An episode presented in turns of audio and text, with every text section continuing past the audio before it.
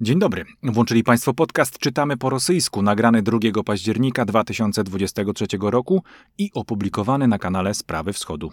To wydanie 138.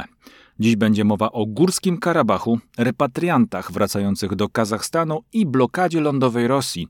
Od 3 października Norwegia blokuje dostęp do swojego kraju pojazdom zarejestrowanym w Federacji Rosyjskiej.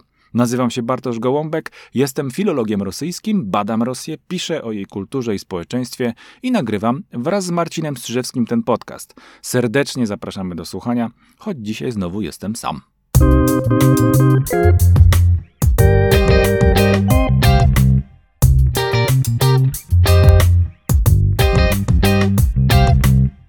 Dzień dobry Państwu, bardzo się cieszę, że mm, możemy się ponownie spotkać. Podcast czytamy po rosyjsku. Tak, wiem, wiem, Marcin Strzyżewski, mm, redaktor Strzyżewski obiecał, że będziemy w większej grupie nagrywali w kolejnym tygodniu, czyli dzisiaj. Tak się jednak nie stało z przyczyn losowych.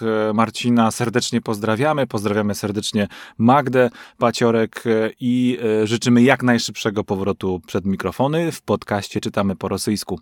Jak Państwo doskonale wiedzą, śledzimy mm, e, dla siebie i dla państwa, w odwrotnej kolejności, dla państwa i dla siebie, rzecz jasna, to, co dzieje się mm, e, na wschodzie i czytamy e, prasę po rosyjsku. Nie tylko prasę rosyjską, ale głównie mm, te wątki nas interesują. Tym razem chciałem kilkanaście najbliższych minut poświęcić na dwa kraje, na dwa regiony, które oczywiście z językiem rosyjskim mają dużo wspólnego. Zacznijmy od Górskiego Karabachu. Nie da się tego tematu pominąć, nie da się o tym tym temacie nie mówić.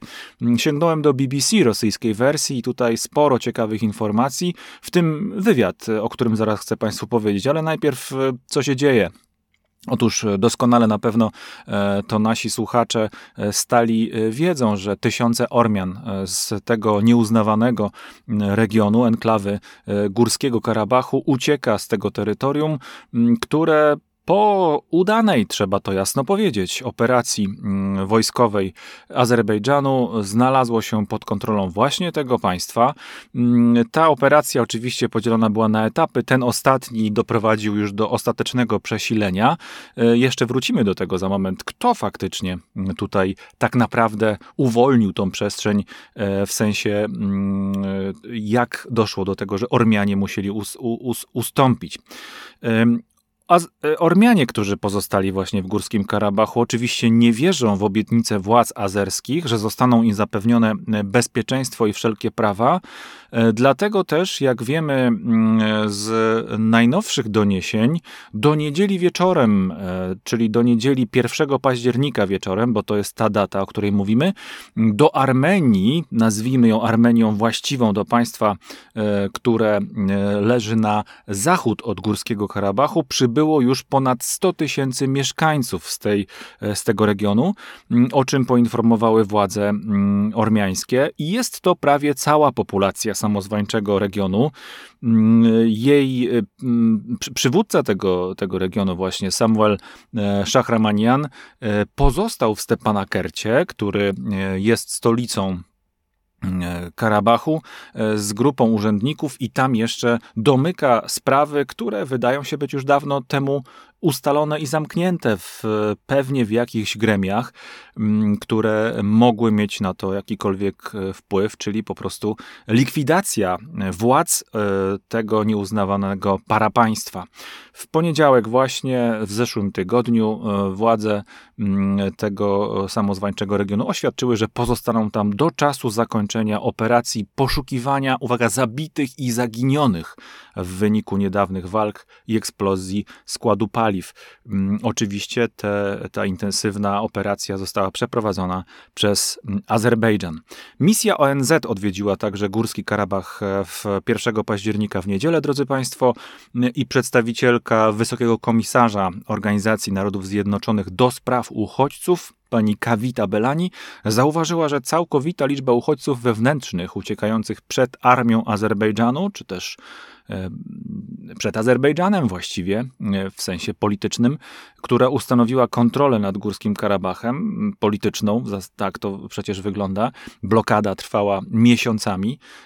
Ta liczba tych uciekinierów może wzrosnąć do około 120 tysięcy w nadchodzących dniach, czyli faktycznie odpowiadałoby to mniej więcej całej populacji ormiańskiej enklawy, o ile dane, którymi dysponujemy, jeśli chodzi o liczebność tego miejsca, mm, nie są zawyżone, bo to ja bym tutaj raczej e, widział w tej perspektywie niż, e, niż żeby były niedoszacowane.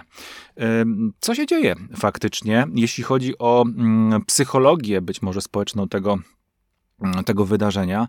E, faktycznie Armenia odstępuje. Mm, Azerbejdżan upewniał się w swojej sile już e, jakiś czas temu. Z całą pewnością mm, nałożyło się tutaj na to ta sytuacja, którą obserwujemy oczywiście w, w, w aspekcie rosyjsko-ukraińskim, do czego zaraz jeszcze będę chciał nawiązać, ale na razie zerknijmy do rozmowy BBC, którą e, redakcja przeprowadziła z ekspertem miejscowym, panem Paatą Zakarejszwili. E, to jest e, z wykształcenia filozof, aktywny w gruzińskim przede wszystkim społeczeństwie obywatelskim Gruzin, był on zaangażowany w poszukiwania i wymianę jeńców wojennych i osób zaginionych podczas konfliktu gruzińsko-abchaskiego, lata 90., drodzy Państwo. E, I Zakarejszwili mm, również szeroko badał konflikty na Kaukazie Południowym. Był szefem również Instytutu Badań nad Nacjonalizmem i Konfliktami.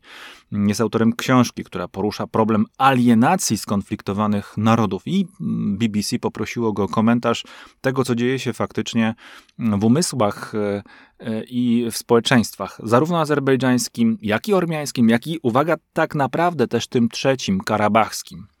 No więc, y, jak powiedział w tym wywiadzie, on jest zresztą bardzo interesujący ciekawy. Jak zwykle, wszystkie linki, przypominam Państwu, do naszych źródeł są w opisie do odcinka podcastu, więc polecam Państwu, którzy mm, mają ochotę zerknąć do tego wywiadu. W obszernych e, fragmentach ja go nie będę cytował. Skupię się na kilku wątkach, które wydają się dosyć kluczowe dla całej sprawy.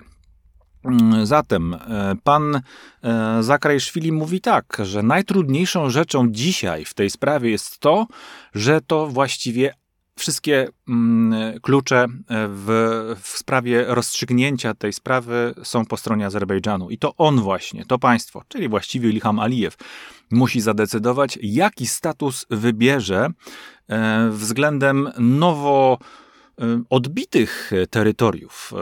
Y, czyli czy jest to naprawdę integracja, czy są to tylko słowa i czy naprawdę chodzi o wypchnięcie etnicznych Ormian z Karabachu, bo tu chodzi oczywiście o ten proces społeczny. Jest to bardzo ważny moment, y, a tego dowiemy się za jakiś czas dopiero, za jakieś pół roku, twierdzi mm, Zakarejszwili. To prawda. Nie wiadomo jeszcze na razie, jaki status wybiera Azerbejdżan.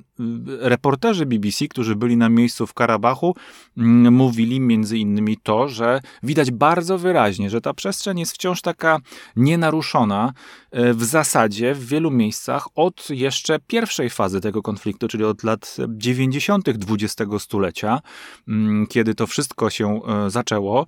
Na przykład mowa jest tutaj o widocznych, wypchniętych już z ziemi właściwie starych minach przeciwpiechotnych, które widoczne są gołym okiem, co jest bardzo mm, no, straszne w gruncie rzeczy. Y, już pomijając sam fakt, że są tam obecne również i te nowe, lepiej już ukryte miny przeciwpiechotne. No, kraj, regiony, gdzie mieszkają ludzie, e, jest po prostu także zaminowany. Mamy tutaj także do czynienia z mm, pewnego rodzaju wstrzemięźliwością, jeśli chodzi o inwestycje azerbejdżańskie, z całą pewnością. One być może uruchomią się, chociaż już jakiś czas temu, od 2020 roku, jak Państwo pamiętają doskonale, kiedy to przesilenie nastąpiło na stronę jednak e, z korzyścią dla Azerbejdżanu, to uruchomiono pewne środki, pewne finanse mm, po to, żeby pewne takie właśnie pokazowe wręcz miejscowości wybudować i zaimponować także światu, e, Ormianom i Ormianom tym lokalnym, którzy tam mm, mieszkali, że oto właśnie tak będzie wyglądał nowoczesny Azerbejdżan w Górskim Karabachu. Tak bym to określał, drodzy Państwo. Azerbejdżan w Górskim Karabachu. Wcześniej mieliśmy no nie powiedziałbym, że Armenię w Górskim Karabachu. Mieliśmy coś w rodzaju właściwie takiego rzeczywiście autonomicznego, takiej autonomii e, ormiańskiej w Górskim Karabachu, ale teraz wyraźnie idziemy w kierunku Azerbejdżanu w Górskim mm, Karabachu. No więc e, pierwszy krok, wracając do rozmówcy BBC, Pata e, Zakarejszwili, pierwszy krok powinien zostać podjęty przez Azerbejdżan, ponieważ jest to kwestia już ich integralności terytorialnej i suwerenności narodowej tego państwa. Jak oni chcą się teraz konfigurować względem nowo nabytego terytorium i ludzi, którzy, jak słyszymy, masowo opuszczają ten teren. Nie mają e, widocznie na tym etapie Azerbejdżanie żadnej oferty dla Górskiego Karabachu, dla ludności Górskiego Karabachu, co zresztą było widać już jakiś czas temu, kiedy sprawy się zagęściły. Drugi krok, kontrkrok, mówi ekspert, musi być koniecznie podjęty przez etnicznych Ormian, którzy chcą pozostać na terytorium Azerbejdżanu w ogóle. I to uwaga, drodzy Państwo, najpewniej dotyczy tych Ormian także, którzy gdzieś tam już mm, dawno temu y, dobrze się y, odnaleźli w kulturze politycznej Azerbejdżanu, zostali wchłonięci jako e, Ormianie azerscy e, i raczej nie budzą większych być może wątpliwości ze strony państwa azerbejdżańskiego. No ale obecnie e, ta grupa, jakakolwiek duża by nie była, a Ormianie zawsze byli w Baku, w, w Azerbejdżanie, przecież to jest historyczna prawda, więc obecnie najpewniej obawiają się o swoją przyszłość. Może jest też nadzieja, mówi specjalista, że ten strach może być nieuzasadniony. Dlatego konieczna jest swobodna wymiana opinii między Ormianami zarówno w Armenii, jak i w Azerbejdżanie. No i to jest y, klucz do zrozumienia całego problemu. Y, kto udostępni forum dla takiej rozmowy, dla takiego dialogu? Mm, czy Azerbejdżanie są gotowi do partnerstwa? Wiemy, możemy to łatwo zidentyfikować po protestach w Erewaniu, e, że Ormianie raczej nie są gotowi na jakiekolwiek dyskusje, raczej coraz silniej e, napina się tam polityczna struna. E, gesty przeciwko Paszynianowi, przeciwko temu, który oddał Górski Karabach, są coraz bardziej wyraźne, coraz bardziej także agresywne i wszystko tam raczej wskazuje na to, że mm, no nie będzie w najbliższym czasie przynajmniej y, przestrzeni w samej Armenii do jakiegokolwiek dialogu w tej sprawie. A jest to bardzo istotna kwestia, bo relatywnie niewielkie państwo musi teraz dosyć szybko przecież mm, wchłonąć, asymilować tą grupę e, migrujących do, mm, z Górskiego Karabachu do e, Armenii właśnie. No i jeszcze jedna teza. Powinna istnieć e, swoboda omawiania kwestii życia Ormian z Azerbejdżanem, zarówno z ich sąsiadem, jak i w samym Azerbejdżanie. Mm, powinni powinni tutaj y, przywódcy tego państwa, zdaniem eksperta, otworzyć się na tą rozmowę. Bo wygrali. Jako zwycięzcy powinni dać mm, przestrzeń na dyskusję. E, uczciwe rozmowy y, także w ormiańskiej diasporze. Ja, drodzy Państwo, y, jeśli nawet byśmy podzielali taki pogląd ekspercki, mm, inna kwestia, czy działania samego Pata za Karaiszwili mm, wcześniej, w latach 90., przyniosły jakieś rozstrzygnięcia dla Kaukazu, mm, to ja, drodzy Państwo, raczej obawiam się o to, że Azerbejdżan e, nabierze apetytu i jeszcze będzie próbował docisnąć Armenię. E, niech Państwo na razie pod to określenie moje kolokwialne docisnąć Armenię podłożą sobie dowolne formy tego typu działania antyormiańskiego, czy to biznesowe, czy to finansowe, czy to wreszcie społeczne, czy polityczne, czy ostatecznie ponownie wzmożenie militarne. Myślę, że mm, y, Azerbejdżan dzisiaj, dzisiejszy Azerbejdżan po tych y, sukcesach dla siebie, tak interpretowanych, y, raczej nabierze mocy i apetytu do tego, żeby mm, inaczej jeszcze ustawić na dłuższy czas swoje, swoją pozycję w regionie. Y, więc nie liczę tutaj na dialog, y, chociaż być może z punktu widzenia ludzi, zwykłych obywateli, czy Górskiego Karabachu, czy Ormian, którzy teraz muszą y, skonfrontować się przede wszystkim ze świadomością utraty Górskiego Karabachu, jak to będzie wyglądało. Po drugie, jeszcze jeden taki element, który warto mm, odsłonić. Armenia powinna uświadomić sobie, że jest podmiotem polityki, ponieważ do tej pory, uwaga, uwaga, to jest jasne dla nas, myślę, że to jest jasne, mm, dla nas ze środowiska mm, tego, które zajmuje się sprawami wschodu, więc Armenia była pod, powinna stać się podmiotem polityki, ponieważ do tej pory była raczej przedmiotem polityki, to rosyjskiej, rzecz jasna. I być może mm, te słowa, jak twierdzi ekspert, mm, wydadzą się niewłaściwe, e, on też rozumie swoją e, rolę, prawda? To jest gruziński ekspert z doświadczeniami rosyjskimi, tak? Więc myśli on i mówi wprost, że tam, gdzie jest Rosja, uwaga, zawsze są problemy bo Rosjanie nie pozwalają narodom żyć po swojemu.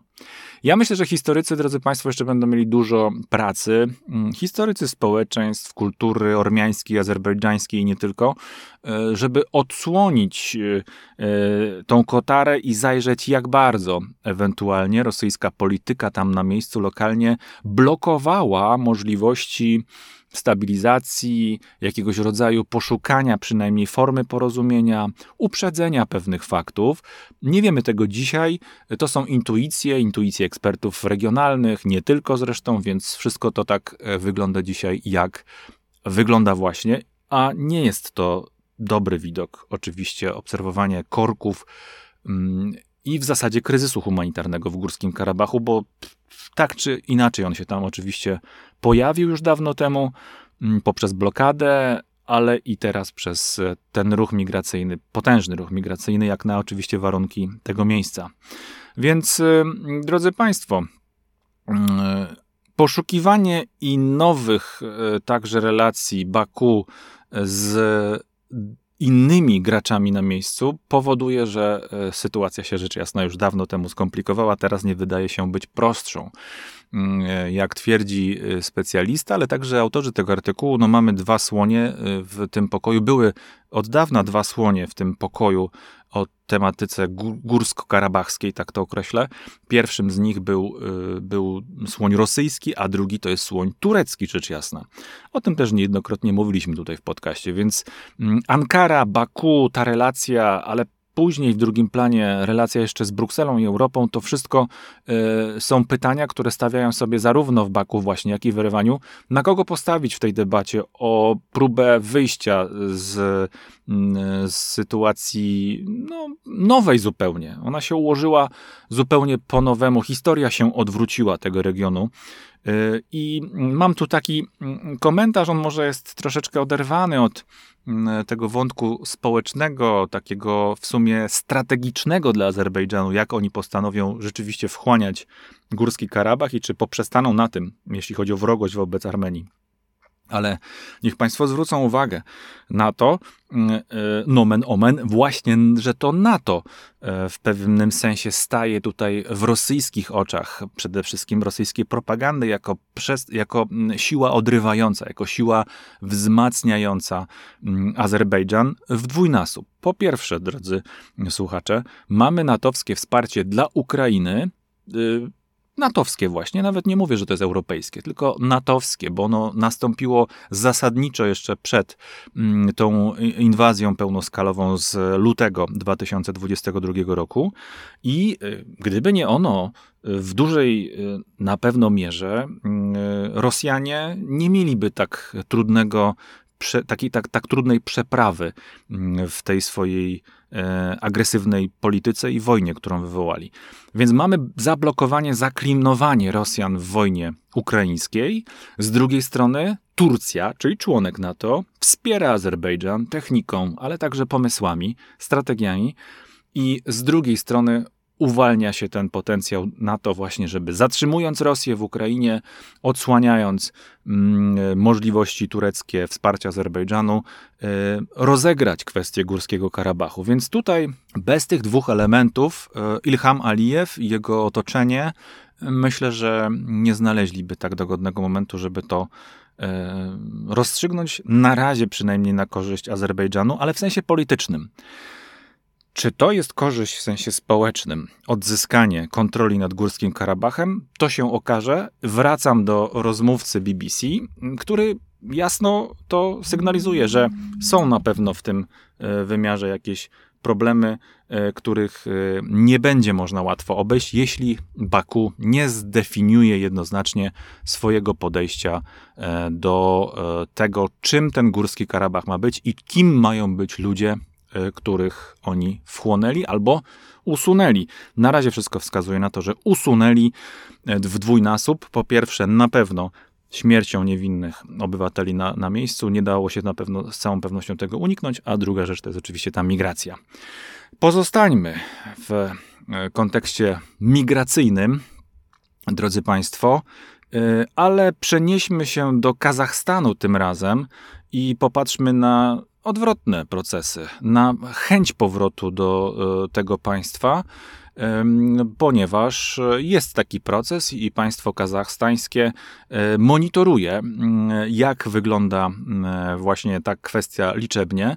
I mamy w Forbesie, kazachskim wydaniu, informację o tym, że od 1 września 2000 mm, Mm, że to są dane z 1 września 2023 roku, że w tym właśnie roku 16 026, ponad 16 026 dokładnie mm, na stan, to jest stan na 1 września tego roku, Kazachów powróciło do swojej historycznej ojczyzny i otrzymało status repatrianta, jak się to w Kazachstanie nazywa, kandasa. Łącznie od 1991 roku, czyli od upadku ZSRR do Republiki powróciło 1 123 tysiące etnicznych Kazachów, o czym poinformowała służba prasowa Ministerstwa Pracy i Ubezpieczeń Społecznych Republiki Kazachstanu.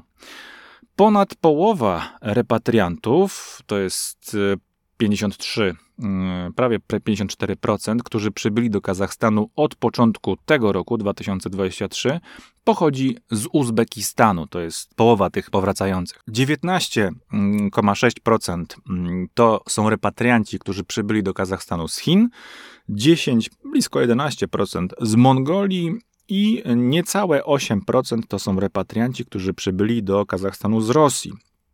W dalszej kolejności e, niespełna 6% mm, kandasów to są obywatele, którzy przy, e, przybyli z Turkmenistanu i 2%, lekko ponad 2% to są mm, ludzie, którzy pojawili się w Kazachstanie z innych krajów. Widać wyraźnie, jak to e, wygląda. To jest przede wszystkim repatriacja z Azji Środkowej, z Chin, z Rosji. Stanowi istotny, ale nie największy, mm, warto to mm, podkreślić, y, element. No więc y, y, jak wygląda też demografia mm, tego, tej, tej grupy ludzi? Według stanu na 1 września bieżącego roku wiek produkcyjny repatriantów osiągnęło, to, to jest około 60%, 61 mm, nawet procent wszystkich z nich, 30% to osoby poniżej wieku produkcyjnego, a 8,5% to emeryci, więc jednak większość to są osoby, które mogą podjąć zatrudnienie. E, spośród tych e, właśnie e, osób Ponad 15% ma wyższe wykształcenie, 35% ma specjalistyczne wykształcenie średnie, a 41,2% ma ogólne wykształcenie średnie. To jest istotne z punktu widzenia strategii politycznej, e, demograficznej państwa, bo wszystko to, o czym Państwu mówię, z niej właśnie wynika. Swoją drogą mnie bardzo mm, też zainteresowało dzisiaj mm, to, jak wygląda to w Polsce. E, trochę mnie zainspirowała ta rozmowa z gruzińskim ekspertem, mm, o którym była mowa e, wcześniej, Patą Zakarejszwili. Teraz popatrzyłem sobie na tą repatriację do Kazachstanu i sobie pomyślałem, jak wygląda to w Polsce. Czym my się się tutaj zajmujemy, jeśli chodzi o mm, absorpcję, brzydkie słowo wiem, ale y, takie mi szybko przyszło do głowy i coś w tym jest, mam nadzieję, mm, właściwego, że jednak absorbuje się wchłania, mm, integruje w pewnym sensie e, ukraińskich obywateli tutaj do naszego społeczeństwa. Wiemy przecież, że od zeszłego roku, od lata taką funkcję specjalną wydzielił premier polskiego rządu i pełni ją mm, minister, pani minister Agnieszka Ścigaj. E, nie widziałem, nie, nie, nie chcę mówić, że nic się nie wydarzyło w tej sprawie, ale nie widziałem nic znaczącego, co e, mogłoby wynikać ze stron rządowych, e, czy z Twittera nawet pani minister, co realnie by wskazywało na e, silne e, ukierunkowanie tego, tego procesu w, w, naszym kraju. No, wiem i nie chcę o tym teraz dyskutować, może przyjdzie jeszcze na to czas, że zupełnie inne tematy, jeśli chodzi o Ukrainę, nas w Polsce tutaj ostatnimi czasy zaprzątały, więc pewnie jest to jakaś konsekwencja też tych wydarzeń, albo po prostu systemowe jakieś takie właśnie ułożenie. Nie ma e, wciąż, drodzy Państwo, nieznany jest mi, to nie znaczy, że nie ma, ale nieznany jest mi, chociaż uważnie staram się tego mm, pilnować, żeby takie rzeczy mi nie umykały, żadnego mm, programu państwa polskiego, który wobec e, tej migracji, nowej migracji, tak bym to powiedział właściwie, ze wschodu jakby, jak, jak my na to patrzymy, kogo potrzebujemy i gdzie potrzebujemy, w jaki sposób możemy sobie z tym radzić. Oczywiście wpływ na to nasz w tym momencie jest umiarkowany, ale jak widać trwa to już pewien czas i pewnie jakieś mm, ruchy już warto byłoby e, zdecydowane bardziej w tej sprawie robić. Wrócę do Kazachstanu, jeśli Państwo jeszcze pozwolą, na chwileczkę. Mm, spośród, tak, mówiliśmy o tym wieku produkcyjnym, są też regiony, bo właśnie to miałem na myśli, mówiąc o tym, jaki jest plan polityczno-demograficzny dla tych ludzi, mm, dokąd oni są kierowani. No tam, gdzie jest niedobór siły roboczej przede wszystkim. E, mamy więc obwody Akmoliński, Kostanajski, Pawłodarski, wschodnio i północno-kazachstańskie obwody, regiony regionu Abaj. E, więc e, tam jest też wydzielony większy kontyngent tych osób do przesiedlenia na rok 2023, czy też ulokowania, może ten, w ten sposób to powiedzmy, mm, i on wynosi 1925 osób. Na, e, na, na dzisiaj, to znaczy, czyli na wrzesień, mm, już przesiedlonych do tych regionów docelowych zostało 1773 osoby. Mm, jakaś znacząca część już znalazła tam swoje miejsce do życia. E, tutaj jeszcze są dotacje od państwa, relokacyjne, tak zwane ryczałty mm, e, w wysokości w przeliczeniu na złotówki ponad 2000 zł na głowę jednorazowo i na każdego członka rodziny e, i taka dopłata do mediów i wsparcie w poszukiwaniu miejsca do mieszkania właśnie.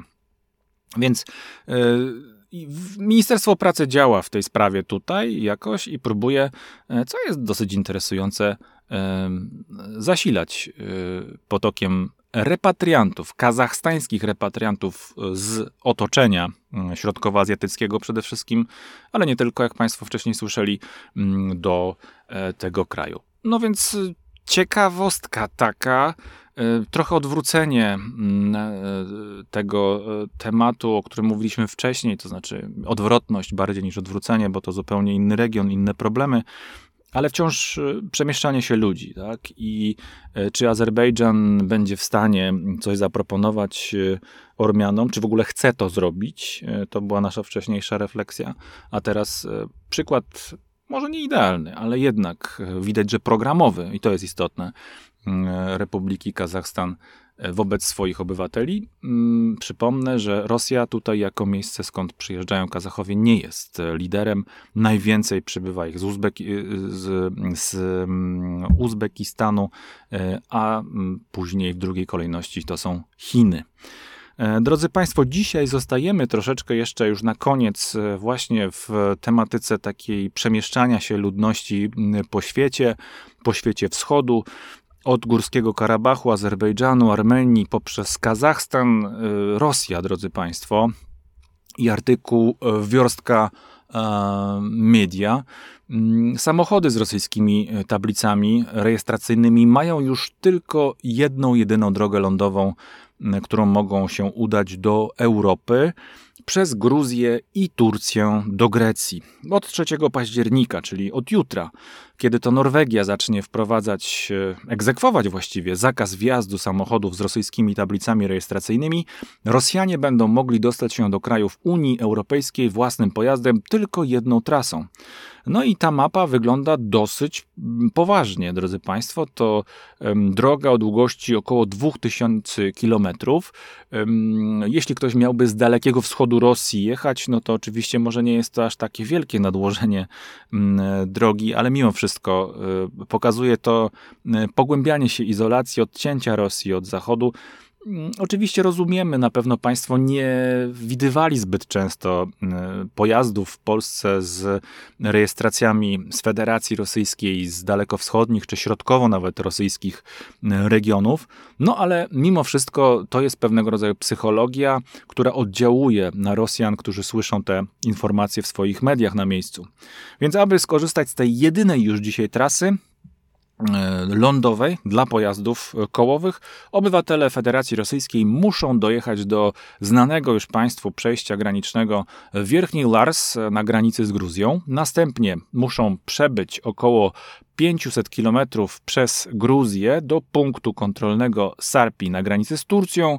Tam zaś należy przejechać przez całą północną Turcję do granicy z Grecją, około 1500 km i dokonać przejścia w punkcie kontrolnym Ipsala-Kipi. Już z Grecji Rosjanie mogą udać się do tych innych krajów Unii, które jeszcze nie wprowadziły zakazu dla samochodów z rosyjskimi tablicami rejestracyjnymi. Zbyt wielu tych krajów już nie ma, przynajmniej tych, o których moglibyśmy myśleć, że mogły być bezpieczną przystanią dla rosyjskich emigrantów, bo pewnie o takich tutaj mowa przede wszystkim, choć jak możemy się domyślać, nie tylko. Wcześniej Fontanka, czyli mm, najbardziej popularne medium petersburskie, napisało, że 23 września jedna z par małżeńskich właśnie podróżujących samochodem nie została wpuszczona do Grecji przez punkt kontrolny, o którym była wcześniej mowa. No i według rozmówcy mm, wydania e, petersburskiego grecka Straż Graniczna, Graniczna przekazała im wyjaśnienia Komisji Europejskiej, drodzy Państwo, tak, zgodnie z którymi mogli wjechać do kraju tylko samochodem bez rosyjskich tablic rejestracyjnych, nie wiem, czy wjechaliby zdejmując te tablice, wątpię, ale mm, oczywiście chodziło tutaj o po prostu poinformowanie o niemożności przekroczenia granicy. Jednocześnie według mm, tej pary inne samochody z rosyjskimi tablicami rejestracyjnymi zostały wpuszczone, więc tam doszło do jakiegoś rodzaju pewnie nieporozumienia albo niejednoznacznej interpretacji zaleceń Komisji Europejskiej. To jest też klucz do zrozumienia tego, jak to wszystko jest labilne. Bardzo dużo, jak zwykle Państwo to na pewno rozumieją, zależy od ludzi, nie tylko od e, przepisów, ale po prostu od ludzi. E, były też już sygnały o niemieckich służbach celnych, które miały konfiskować samochody osobowe obywateli Rosji na podstawie właśnie ósmego pakietu sankcji. Wiemy też doskonale i Państwo na pewno o tym słyszeli, że i Polska dołączyła do tej grupy państw, które całkowicie zamknęły dla rosyjskich pojazdów. Mówmy precyzyjniej, dla pojazdów z rosyjskimi tablicami rejestracyjnymi mm, dostęp do kraju. To się wydarzyło 17 e, bodaj września, czyli e, pół miesiąca temu. E, no i tak to wygląda teraz. E, do tej pory do tych krajów e, tych dołączyły, mówimy o tych, które nie wpuszczają aut zarejestrowanych w Rosji. Dołączyło 8 państw, oczywiście Litwa, Łotwa, Estonia, Polska, Niemcy, Finlandia, Bułgaria, Chorwacja, a także mamy tutaj w tym zestawieniu Norwegię. Czy Rosjanie będą mogli jeździć jeszcze samochodami mm, po Europie swobodniej niż do tej pory? Jestem przekonany, że tak, drodzy Państwo, ale wiemy, że mm, takie rzeczy mogą nastąpić wyłącznie w określonych warunkach politycznych. Na razie one są wciąż bardzo niekorzystne. Rosjanie e, odcinają się w kolejnych elementach od różnych miejsc, a to ze strony ormiańskiej znikają e, i nie dają właściwego zabezpieczenia, na, o jakie prosili i nawet marzyli być może o nim e, Ormianie. Tu gdzieś indziej utkwili ze swoją brudną wojną przeciwko Ukrainie i tak dalej, i tak dalej. E, przyjdzie ten czas, kiedy to wszystko mm, się będzie zmieniało, ale e, nie będzie to szybko. Ja tylko dzisiaj chciałbym jeszcze zwrócić Państwa uwagę na zakończenie zupełnie na Turcję właśnie. Jaki to jest ważny element. Ja pewnie już o tym mówiłem i to mm, e, będzie pewnego rodzaju taka autopowtórka, ale Turcja pojawia się tutaj na kilku etapach rozważań. Jeszcze jeden wiążący taki już zupełnie na koniec wątek, który mm, odkryłem e, wertując e, kazachstańskie także media.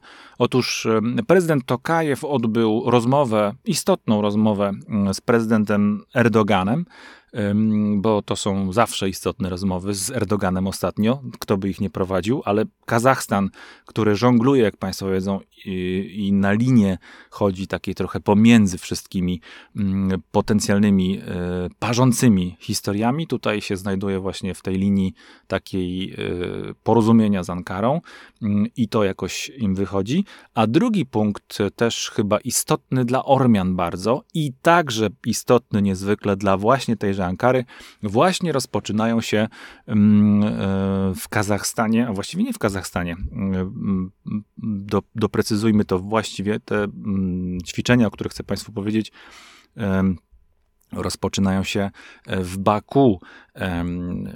Wczoraj, nie, dzisiaj, dobrze, dzisiaj takie komunikaty Interfax Kazachstan podaje, że Azerbejdżan i Kazachstan będą właśnie rozpoczynają ćwiczenia e, wojskowe na morzu Hazri 2023. E, otóż, drodzy Państwo, okręty wojenne Kazachstanu przybyły do portu w Baku, e, aby uczestniczyć w tych wspólnych azersko-kazachstańskich e, ćwiczeniach e, i będzie tu kilka różnego rodzaju modeli współpracy trenowanych po to, żeby no właśnie, po co? No po to, żeby wzmocnić jeszcze Azerbejdżan bezwzględnie e, w tych e, swoich e, działaniach.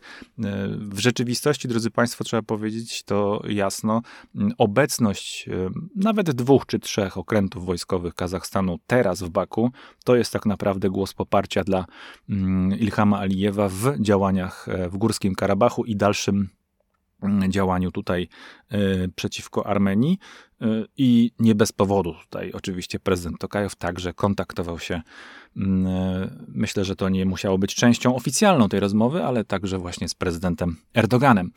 W regionie dzieją się bardzo interesujące rzeczy. Mm, będziemy to oczywiście dla Państwa obserwować i odczytywać po rosyjsku, jak zwykle co tydzień.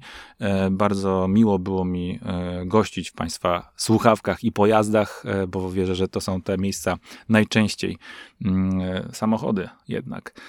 Ale słuchawki jako narzędzie do przenoszenia dźwięku, gdzie można usłyszeć, gdzie, możą, gdzie mogą Państwo usłyszeć nas. Dzisiaj mnie, czyli Bartosza Gołąbka w podcaście Czytamy po rosyjsku. Mm, co tydzień, drodzy Państwo, zapraszamy e, do słuchania naszych mm, rozmów o wschodzie, o Rosji, o Ukrainie, Białorusi, Kazachstanie, Armenii, Karabachu, Azerbejdżanie i wielu, wielu innych miejscach, w których mówi się wciąż po rosyjsku z historycznych, politycznych, finansowych względów.